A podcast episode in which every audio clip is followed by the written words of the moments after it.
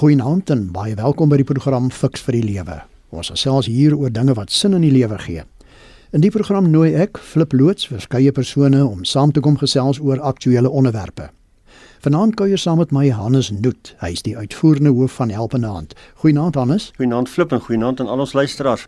En jy as luisteraar is welkom om vanaand aan ons gesprek deel te neem. Jy kan die SMS nommer gebruik 45889. Onthou net elke SMS kos R1.50. Nou ongelukkig vanweë die COVID beperkings kan ons nie direk op jou SMS reageer nie, maar ek wil jou verseker dit kry wel deeglike aandag, veral deur ons kundige wat saamgesels. Onthou ook dat die program nie aan jou as luisteraar voorskrifte gee van presies hoe om te lewe nie, maar riglyne waarbinne jy self keuses kan maak. Er is geen stem ook nie noodwendig saam met die opinie van enige persoon wat aan hierdie program deelneem nie. Volgens 'n verslag deur 'n span navorsers wat in die elektroniese koerant Daily Maverick gepubliseer is, sê dit dat ongeveer 3 miljoen Suid-Afrikaners sedert die begin van die Grendeltyd hulle inkomste verloor het. En byna die helfte van alle huishoudings in die land sê hulle die afgelope 3 maande honger gely. Die koronapandemie het veroorsaak dat daar groot nood in gemeenskappe ontstaan het. Die groot vraag is hoe kan sulke mense in hierdie tyd gehelp word? Fiks vir die lewe gesels vanaand hieroor. Hannes, dis nou juis ook hoekom jy hier is. Jy werk elke dag in hierdie situasie van mense in nood. Hoe groot is die nood onder mense in hierdie COVID tydperk? Die nood lê op soveel vlakke, maar as ons net praat van direkte nood en fisiese nood en geestelike nood waarin ons mense is, dan besef ons dat die afgelope paar maande, kom ons sê nie maar die afgelope 2 jaar was vir mense nie maklik nie. Ons moet onthou ons bly in 'n land waar daar op hierdie stadium omtrent 18,4 miljoen mense welsynstoelae of maatskaplike toelae elke maand kry. Nou dit klaar is 'n geweldige aanduiding van hoe groot die nood is. Dit beteken eintlik in kort dat sou die regering vanaand die beursie toeknyp, is daar amper 19 miljoen mense wat volgende maand geen inkomste sal hê nie. Dit vat nou nog weg die wat nie toelaas kry nie en wat in ander situasies is. Daar's baie die afgelope paar jaar eintlik geskryf van die finansiële krisis wat ons in Suid-Afrika het. En ons moet onthou op 'n finansiële krisis volg 'n maatskaplike krisis. Op iets soos die koronavirus volg 'n maatskaplike krisis op iets wat soos in KwaZulu-Natal gebeur met die onluste, volgens maatskaplike krisis.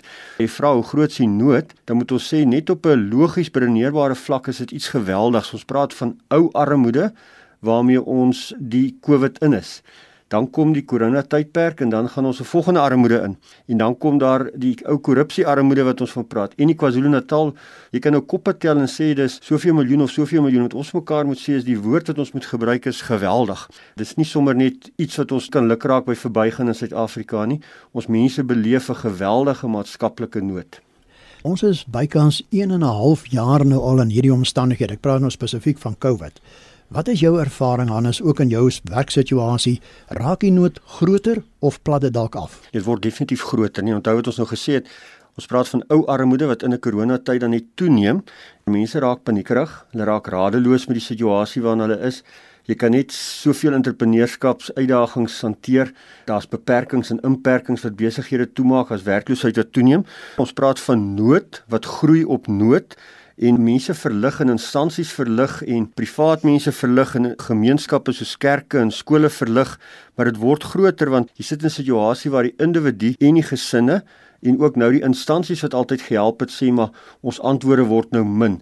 So as ons sê ons is 'n jaar en 'n half in corona tyd, dan moet ons vir mekaar sê ons gaan moet baie sterk planne maak om te sê hoe ons hierdie nood aanspreek want die nood is groeiend op hierdie stadium.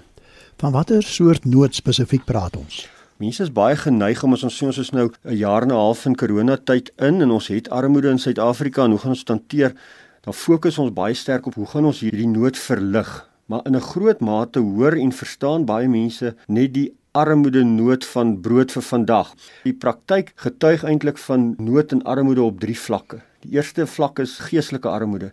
Mense gaan met baie energie en krag in hierdie ding in en ons het gesien met die tweede golf toe word dit minder En hier by die derde golf toe sien ons die mense se gemoed is laag. Nou sê die navorsers en wetenskaplikes vir ons ons gaan 'n definitiewe vierde en vyfde golf in, want die inentings is nie vinnig genoeg nie. So waar ons nou is, is ons sê vir mekaar die energievlakke van die mense gaan die geestelike nood nog meer beproef. So jy kan aan die een kant sê daar's nie brood nie, maar daar's ook in baie gevalle ook nie meer die innerlike krag wat daar moet wees nie. En dan is daar ook 'n kulturele nood. Mense wil graag behoort. En corona het in 'n groot mate hierdie behoort van van hulle weggevat. Geestelik raak mense geïsoleerd. kultureel raak hulle geïsoleerd en ook dan in armoede raak hulle geïsoleerd. So as ons oor hierdie nood praat, dan moet ons regtig wegkyk van gee my my daaglikse brood alleen en daarmee verstaan 'n fisiese brood. Ons moet ook verstaan geestelike brood wat mense moet kry en ook kulturele brood. Hannes, hoe hanteer mense die nood waarin hulle hulle self bevind? Hoe oorleef mense, veral die armes? Mense maak planne. Dit is interessant, nie mense kry swaar, maar hulle maak planne, maar hulle sak ook uit. Die belangrike ding is wat ons tot nou toe gesien het is mense gryp na strukture. En ek dink dis een van die dinge wat ons baie keer in die samelewing onderskat en is die waarde van goeie strukture. As jou regeringsstruktuur nie sterk is nie, dan gryp mense na ander strukture. As jou kerkstruktuur nie sterk is nie, dan gryp jy na ander strukture. As jou skoolstruktuur nie sterk is nie, dan gryp jy na sterk strukture. En die wonderlike ding wat ons die afgelope 18 maande gesien het, is hoe mense gryp na gemeenskapsstrukture. Hoe hulle gryp na die buurman, na mekaar binne 'n familieverband. Mense kyk nogal na mekaar. En die coronatyd wys so iets baie mooi en baie sterk. Mense maak planne, maar ons moet bysê dis nie maklik nie. Dit is RSG met die program Fix vir die Lewe en ons gesels vanaand oor Hoe kan mense in die COVID tyd gehelp word? Ek is Flip Loots en my gas is Hannes Noot. Hy is die uitvoerende hoof van Helpende Hand. Luisteraars kan gerus julle menings oor die onderwerp van vanaand gee. Julle kan die SMS nommer gebruik 45889. Onthou net elke SMS kos R1.50. Hannes, watter invloed het hierdie pandemie nood op mense se onderlinge verhoudinge en hulle eie geestelike ingesteldheid? is nogal 'n ding wat 'n mens in sy wese is en dit is dat ons mekaar nodig het en dat jy afhanklik is van die mense om jou. En een van die noodpunte wat ons beleef is dat behalwe die fisiese nood wat mense beleef, het kry ons dat hulle isoleer van mekaar. Ons kry dat mense nou angs ontwikkel in 'n baie groter mate as ooit vantevore. Behalwe dat hy net bekommerd is oor die dag van môre, oor die werk van môre, sy bekommerd oor sy kinders van môre, oor sy werksomstandighede, oor die strukture waarbinne hy leef. So wat interessante ding is wat gebeur en dis ons kan sommer klaar hier dit is 'n tipe van 'n hoop en 'n oplossing vir mense gee is om waar moontlik so ver moontlik normaal voort te gaan. Ons moenie dat hierdie abnormale omstandighede vir ons die normaal word nie. Mense moenie so isoleer van mekaar nie. Mense moenie hierdie angs groei tyd gee en toelaat dat dit ontwikkel nie. Mense het mekaar nodig en mense het ook nodig om tussen mense te kom. Ons besef die corona en die inperkings het dit heeltemal verhinder en verbied. Maar ons het ook die afgelope tyd gesien dat die geestelike krag van 'n mens help hom baie beter om te oorleef as iemand wat geestelik swaar kry. En om daardie geestelike onderbou en beoefening te kan hê, het jy ander mense nodig, hierdie kerk nodig, hierdie skool nodig, hierdie gemeenskap nodig. So wat ons sien is aan die een kant mense begin die abnormale normaliseer terwyl ons moet eintlik so ver moontlik terugbeweeg na die normale toe, dit wat ons gewoond was en is. Tot hoe ver sou jy sê kan hierdie pandemie toestand paniekerigheid in die hand werk sodat mense onbesonde dinge aanvang, ek dink aan selfdood en al die tipe van dinge. Kyk as 'n mens jou hoop verloor, dan verloor jy baie dinge. As jy nog lig sien vir die dag van môre, dan gebeur daar baie dinge wat jou uitdaag en dan sien jy nog kans om te gaan probeer maar mense begin by tye hoop verloor, dan raak hulle, kom ons praat van nie rasioneel op daai stadium. Dit beteken dat hy dink daar gaan nie môre wees nie, daar gaan nie hoop wees nie. Terwyl daar gaan weer wees, die son gaan weer opkom. Ons het nog altyd krag gehad. Ons kom uit geslagte van mense wat opstaan in alle omstandighede, wat oorlog oorleef het, wat 'n depressie oorleef het, wat droogtes oorleef het. So dis nie altyd maklik nie, maar ja, natuurlik gaan mense onbesonde dinge begin doen. Byvoorbeeld, ek begin swaar kry en nou los ek depressie medikasie. Ek sien nie die lig om aan te hou nie, so ek maak myself eintlik sieker of ek begin nie meer my oefening doen soos ek gedoen het nie. Dit is 'n onbesonde ding om te doen want wat jy daarmee doen is jy maak jouself swakker in die tyd waarin jy leef of ek begin my werk swakker doen, ek begin minder produktief raak en dan het jy erger goed natuurlik soos die selfdood wat toeneem in die tyd waarin ons leef, doodgewoon omdat mense se hoop en se moed so ver van hulle is. Een van die belangrike dinge wat ons hier moet doen is mense moet so bietjie terugkeer na wat hulle weet in plaas van wat hulle voel. Natuurlik is om te voel baie belangrik, maar gevoelens is nie altyd betroubaar nie want ek kan binne 'n halfuur in gevoelens so wissel van baie hoog na baie laag of van baie laag na baie hoog. Dis tyd dat ons nou in hierdie tyd van swaar kry vir mense bietjie weer op die weetlyn kom. Ek weet as mense na mekaar kyk, dan gaan dit goed. Ek weet mense kan mekaar versorg. Ek weet die omstandighede kan verander. Ek weet daar's nog altyd vir my gekyk, daar's nog altyd gesorg. Ek het tot hier gekom. So ek dink altyd is belangrik dat mense op hulle weetlyn kom want daardie voellyn gaan jou omgooi en dan gaan jy onbesonde dinge doen en dan gaan jy dink maar die lewe is verby en is hopeloos en daar is nie 'n pad vorentoe nie. Terwyl daar is 'n pad vorentoe. Jy moet hierdie pad net gebruik en uitbou. Hannes Fix vir die Lewe is 'n program waar ons probeer praktiese riglyne vir mense gee. Op watter maniere kan ons mense help in hierdie tyd van hulle nood? Hoe doen julle dit by Helpende Hand? Om oplossings te kry vir die tye waarin ons leef is nie so eenvoudig nie, maar is tog moontlik. Die paar belangrike dinge wat ons kan uitlig is dat mense moet begin fokus op strukture of volhoubaarheid. Helpende Hand pak byvoorbeeld nie sommer projekte aan as dit nie binne 'n struktuur is wat gestruktureerd volhoubaar kan wees nie. Een van die dinge wat ek dink byvoorbeeld die mense in die samelewing verder verarm is verligtingprojekte wat regtig lukraak gedoen word omdat mense jammer voel omdat mense voel maar ek wil 'n verskil maak en mense voel ek wil nood aanspreek. Helpende Hand is al geruime klompie jare besig met die bou van strukture en wat ons vir mekaar sê is hoe meer en hoe sterker jy betrokke raak by strukture, hoe sterker kom jy deur hierdie ding. Ons het dit ook nou die afgelope tyd gesien met die onluste in Natal en ook in die corona se inperkingstyd. Natuurlik moet 'n mens so ver moontlik in jou naaste liefde vereis dit ook van jou sorg waar jy kan. Maar mens moet ook kies hoe jy die meeste uit 'n rand kry, hoe jy 'n rand die beste kan omdraai. En een van die swakste maniere is seker net om kos te koop en neer te sit. By Helpende Hand probeer ons sê as jy nie holisties kyk na gemeenskapsontwikkeling nie, dan gaan jy nooit 'n tree vorentoe gee nie. So wat ons sê is ons weet jy moet soms direkte nood verlig. Is interessant hoe minder ons verligting probeer doen, hoe meer moet ons dit doen. Ons probeer fokus op verbreeking en die voorkoming van armoede. Voorkoming is natuurlik opleiding. Hoe sterker jy mense kan oplei in enige ambag en enige studierigting, enige vermoëns, hoe meer gaan jy 'n verskil maak. Verbreeking is daar waar jy ingryp in werksituasies waar jy programme aanbied vir gemeenskappe om dit goed anders te doen en dan moet jy verligting doen. Net om so 'n voorbeeld te noem, as ons byvoorbeeld sê ons het in die coronatyd het helpende aantal 23000 gesinne versorg. Dan sê ons dis goed. Ons dit is ver te min, Maar die verskil is wat ons by ons gesien het is al 23000 is geassesseerde gesinne. Met ander woorde, jy kyk na die holistiese pakkie van die gesin. Dis totaal iets anders as om met 'n vragmotor kos op 'n plek te gaan stop en te sê kry vir julle en môre sit ons met dieselfde probleem. As ons sê ons het hierdie 23000 gesinne versorg, dan sê ons ons het holisties na hulle gekyk. Ons besig met gemeenskapsontwikkeling op hierdie stadium is ons juis besig met gemeenskapsanalises waar ons kyk na die behoeftes binne 'n gemeenskap Nou flip net om 'n voorbeeld te noem van hoe effektief dit is. Daar's 'n gemeenskap in Bloemfontein of 'n gemeenskap in die strand wat ons ondersoek het daar waar ons werk, wat is die nood? En dan sien ons in beide van hierdie gemeenskappe is daar 60% mense wat nie bestuurderslisensies het nie. So as jy nou daarna gaan kyk en besef jy kan kos uitdeel daar vir die volgende 10 jaar, jy gaan nie die gemeenskap verander nie. As jy die gemeenskap wil verander, begin 'n projek wat bestuurderslisensies in daai omgewing gee, want dit gee vir geleentheid vir daardie mense om werk te soek om te kan uitgaan uit sy gemeenskap uit om 'n verskil te maak. Jy kan nou dink as jy 'n werkgewer is, nie te CV van iemand sonder bestuurderslisensie, hoeveel moeiliker is dit.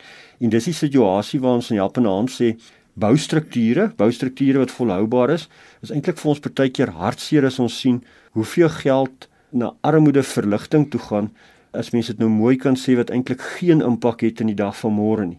En dis nie omdat mense dit nie moet doen nie. Mense moet dit net gestruktureer doen. Wat ons altyd sê is mense deel in opregtheid en met mooi harte so baie uit en môre is dit presies soos dit was omdat ons nie al hierdie bronne en hulpbronne struktureer nie. So vir ons by Helpende Hand is die een sinnetjie daarvan haal uit elke rand die maksimum wat jy kan om armoede te verlig, te verbreek en te voorkom anders gesê, kyk na die mens in sy holistiese wese en sê wat is nodig om hierdie persoon vorentoe te vat. Ons het nie almal die vermoëns van helpende hand nie, Hannes. Wat kan ek as gewone burger van die land doen om ander mense se nood te verlig? Ons dink jy's praktiese goed, nê. Partykeer is die kort pad die slegste en die moeilikste pad. Die kort pad is om 'n R5 uit jou beursie te gee vir iemand. Die langer pad is om te kyk maar hoe kan ek daardie R5 so gebruik dat ek 'n verskil maak in iemand se lewe. Wat is regtig die behoefte van 'n gesin? Hoe kan ek dit struktureel aanpak? Partykeer is dit die praktiese goed van vir iemand wie hoop gee. Jy kan vir iemand 'n brood gee of jy kan vir hom hoop gee. Ons kyk baie keer vas in oop en toe beursies terwyl ons baie keer moet vaskyk in oop en toe harte. 'n Toe hart wat baie gee, beteken baie minder as 'n oop hart wat niks gee nie. Dit klink nou baie dom, maar as mens mooi gaan dink na die praktiese hulp wat mense mense gee, mense soek hoop. Hulle soek planne, hulle soek energie, hulle soek krag, hulle soek mekaar. So die belangrikste wat ons op hierdie stadium kan doen is wees daar vir ander mense. Ryk uit na ander in opregtheid. Mense ken mekaar se harte baie goed. Die enigste manier wat ons hierdie corona en hierdie onluste en hierdie korrupsie en hierdie landsomstandighede waarin ons is gaan oorleef, is as ons regtig 'n tipe van 'n help mekaar en saam mekaar vorm waar ons sê die mense om my is vir my regtig belangrik. Met mekaar gaan ons vorentoe gaan op jou eie gaan jy baie moeilik regkry. En dan wil ek praat van klein goedjies. 'n Sagte woord wat die Bybel van leer, 'n woord van hoop op die regte tyd. En dan daarmee saam die brood en dan gaan ons vorentoe. En natuurlik moet ons almal saam aan strukture bou. Ons moet weer 'n maatskaplike omgewing bou waar mense in veilig voel. Om net toelaas meer te maak om verligtingprojekte meer te maak, gaan maak dit ons al verder agterraak want ons skep 'n afhanklikheid by mense en dan sit ons later met 'n samelewing waarvan meer as die helfte van die samelewing afhanklik is van die ander helfte. En dis 'n baie ongemaklike situasie. So wat ons vir mekaar moet sê is, hoe kan ek prakties help as ek nou nie 'n helpende hand is nie of daar's 'n kerk, daar's 'n skool, daar's 'n buurman, daar's 'n gemeenskap, daar's 'n straat. Gebruik jou R5, maar gebruik jou R5 so dat hy effektief 'n reuse verskil maak. En as jy nie weet hoe nie, sluit aan by strukture wat dit eerder doen en wat jy weet die rand word gebruik soos hy moet gebruik word. Dit is RSG met die program Fix vir die Lewe en ons gesels vanaand oor hoe kan mense in die COVID tyd gehelp word. Ek is Flip Loots en my gas is Hannes Noot, die uitvoerende hoof van Helpende Hand. En jy kan gerus as luisteraar ook jou mening oor die onderwerp gee. Gebruik die SMS nommer 45889. Onthou net elke SMS kos R1.50. Hannes, jy het nou so gepraat van 'n soort van 'n help mekaar tipe struktuur. Maar wie se plig is dit eintlik om mense in nood te help? Is dit die regering se, die kerk se, 'n organisasie soos Help en Hand se, die gemeenskap of wie? Ons moet almal mekaar help, nee, 'n gemeenskap bestaan uit ons. 'n Gemeenskap is nie ek nie. So die regering het 'n bepaalde taak. Die taak van 'n regering is eintlik as mense dit baie eenvoudig sou opsom om die kwaadoeners te straf en die deegsames te beskerm. Dis eintlik die belangrikste ding wat 'n regering kan doen. As die regering nie die kwaadoeners straf en die deegsames beskerm nie, dan ontwikkel 'n maatskaplike krisis. So uiteraard is dit die regering se taak om 'n veilige omgewing te skep sodat iets soos Natal nie gebeur en 'n maatskaplike krisis ontwikkel nie. So die regering het sy opdrag. As 'n regering sy opdrag sien as die ontwikkeling van maatskaplike toelaas, dan word ons in 'n krisis in bestuur. En ons moet dit baie mooi verstaan want dit gaan geen oplossing bied nie, maar eintlik die situasie verdiep. So dis die regering se opdrag. Dis ook die kerk se opdrag. Die kerk is eintlik die barmhartige want Christus is die barmhartige en die kerk bedien hierdie barmhartigheid van Christus. En gelowiges weet dat hulle eintlik die kerk is, so waar hulle beweeg, word hulle as gemeenskapsvormers die een wat die lig bring en die verskil maak. Natuurlik is dit ook 'n skool, dis ook 'n woongemeenskap, dis ook 'n vriendegemeenskap, dis ook 'n gesinsgemeenskap. So as ons die vraag gaan opsom maar wie moet hierdie nood omkeer? Dan gaan ons mekaar sê dit kan nie by 'n organisasie soos Helpende Hand alleen lê nie. Dit kan nie by 'n regering alleen lê nie, dit kan nie by 'n kerk lê nie. Dis 'n situasie van ons moet besef hierdie maatskaplike krisis is eintlik groter as 'n finansiële krisis. Hierdie is 'n ding wat 'n koronakrisis wat oor ons pad gekom het. 'n gemeenskap wat maatskaplik agteruitgaan, moet maatskaplik herbou word. En dan praat ons van maatskaplike ontwikkeling. Maatskaplike ontwikkeling beteken waar gemeenskap verantwoordelikheid vat vir homself in sy skool, in sy kerk, in sy straat, in sy vriendekring. En dan sê ons hierdie gemeenskap bou, hy word maatskaplik ontwikkel en hierdie gemeenskap sê ons gaan vorentoe want ons kyk na onsself. En mense sien dit, nee, mense sien dit in die koronatye en ons het dit nou weer in Natal gesien in Suid-Afrika die afgelope 18 maande waar gemeenskappe sterker staan, kyk hulle na mekaar. Waar gemeenskappe swakker is, dan kyk hulle na die regering of na 'n instansie of na 'n organisasie. En een van die groot uitdagings wat ons het is vir mense te sê wat ons behelpende hand graag vir mense ook leer is die beste helpende hand is aan die einde van jou eie arm. Nee, daardie hand is eintlik maar die een wat weer gaan bou en wat ons vir mekaar sê is dis almal se taak, almal se opdrag om hierdie ons te laat vorentoe gaan en te herbou en vorentoe te kan bou. Jy praat van vorentoe gaan Hannes. Hoe lyk die pad vorentoe ten opsigte van mense se nood in die ramptoestand tydperk? Ons kan baie positief daarna kyk en sê ons mense kan hierdie krisis oorleef, die ekonomiese en die maatskaplike krisis. Ons kan baie negatief daarna kyk en sê ag gaan nie vir ons hulp van elders kom nie, dit lyk baie sleg. So die vraag is hoe ons hierdie glas gaan sien, half vol of half leeg. Dis die realiteit. Hy is eintlik leeg. Daar's 'n maatskaplike krisis en 'n maatskaplike nood, maar vanuit 'n geloofsoog en 'n positiewe ingesteldheid moet ons sê ons moet herbou en 'n gemeenskap kan dit saam doen. So, hoe lyk die nood? Dis groot. Ons lê dit op al drie vlakke: geestelik, kultureel en fisies. En ons kan een van hulle uitsonder in 'n hele program net oor die fisiese armoede hê. Ons kan 'n hele program oor geestelike armoede hê, ons kan 'n hele program oor kulturele armoede hê. Ons het 'n maatskaplike tyd waarin mense se moed laag raak. En wat ons moet doen en met ons bedoel ek 'n individu, 'n gesin, 'n gemeenskap, instansies, kerk, skool en staat, is ons moet hoop gee maar nie 'n naïewe hoop nie, nie 'n hoop wat nie kan realisties word nie. Ons moet 'n hoop gee wat uitvoerbaar is. Dis een waarna ons werk en waar ons vorentoe gaan. Ons gaan hulp van elders afkom. Nee, die hulp gaan kom van dit wat ons het. En hierdie hoop wat ons het, moet ons uitbou. Hannes, dalk is daar van ons luisteraars wat vanaand sit te luister en sê, "Julle praat nou net van my. My nood is groot. Waar kan hulle aanklop vir hulp?" As ons wil geestelike nood verlig, moet ons by ons plaaslike kerk begin. Ons moet by ons gelowiges kom, ons mense om ons. As ek hierdie kulturele nood het, moet ek sorg dat ek uit my isolasie kom in my binnekant. Ek moet weer na die mens langs my uitreik. Die beste manier om hierdie nood van kulturele armoede aan te spreek is om weer op te soek hulle wat joune is, daar waar jy veilig is. En dit klink dom, maar dit selfs dit waar selfs fisiese plekke en omstandighede waar ek veilig voel en dan die fisiese armoede as ek voel maar ek het nie eers kos vir die dag van môre nie. Weet ons is daar honderde instansies wat hierdie dinge doen. Ons weet hulle word ook al minder, hulle kyk ook al swaarder. Maar steeds is jou beste aanklopplek jou plaaslike gemeente waaraan jy behoort. En dan instansies wat daar is, maar die meeste instansies gaan vir jou sê dat ons kan net vir 'n rukkie help. So hoe gaan ek begin? Is ek moet begin met kry hoop, soek hulp, begin my lewe van voor af herbou. Kom ons vat saam Hannes. Daar is groot nood soos jy nou gesê het en dit kan heel waarskynlik nog groter word. Maar in hierdie pandemie tydperk, hoe kan ons mekaar help? Ek dink die belangrikste as ons mekaar sien ons wil saam vorentoe gaan is om te onthou ons kom nie uit geslagte wat gaan lê het nie. Ons moenie nou hoop verloor nie. Ons is 18 maande in hierdie pandemie en saam met die res van die wêreld. Maar ons kom uit voorgeslagte wat met krag en met ywer en met toewyding gebou en vorentoe gegaan het. Ons moenie maak asof ons in die moeilikste tye ooit leef nie. Leef ons in moeilike tye en as die antwoord ja, Leef ons in die moeilikste tye ooit? Is die antwoord nee. So die eerste ding wat ons vir mekaar kan sê is, kom ons hou die hoop, kom ons hou die krag wat in ons is. Dis deel van ons menswees. Ons moenie gaan lê nie. Ons moenie ophou planne maak nie. Ons moenie dink dat al ons planne en oplossings nou verby en klaar is nie. Dit is nie. Ons moet uitreik na mekaar toe in terme van wat is nodig om 'n gemeenskap te herbou. Alleen gaan jy dit nie doen nie. As jy alleen wil vorentoe gaan, gaan jy verskriklik sukkel. Ons moet saam vorentoe gaan en dan belangrik Kom ons help strukture bou, strukture waar mense reeds in die strukture bou is, ons maak dit volhoubaar en ons gaan kragtig vorentoe. Die tyd is verby wat jy dink ek gaan alleen iets regkry. Ons sien dit met selfs instansies en welsynsorganisasies wat regtig op hulle eie probeer. Jy gaan agterraak. Jy het mekaar nodig en jy het nodig om saam te bou. Miskien dan 'n laaste sinnetjie van my kant af op som en flip. Wees holisties mens. Kultureel, geestelik, fisies word ons tans uitgedaag, maar dit hoef nie vir ons onder te kry nie.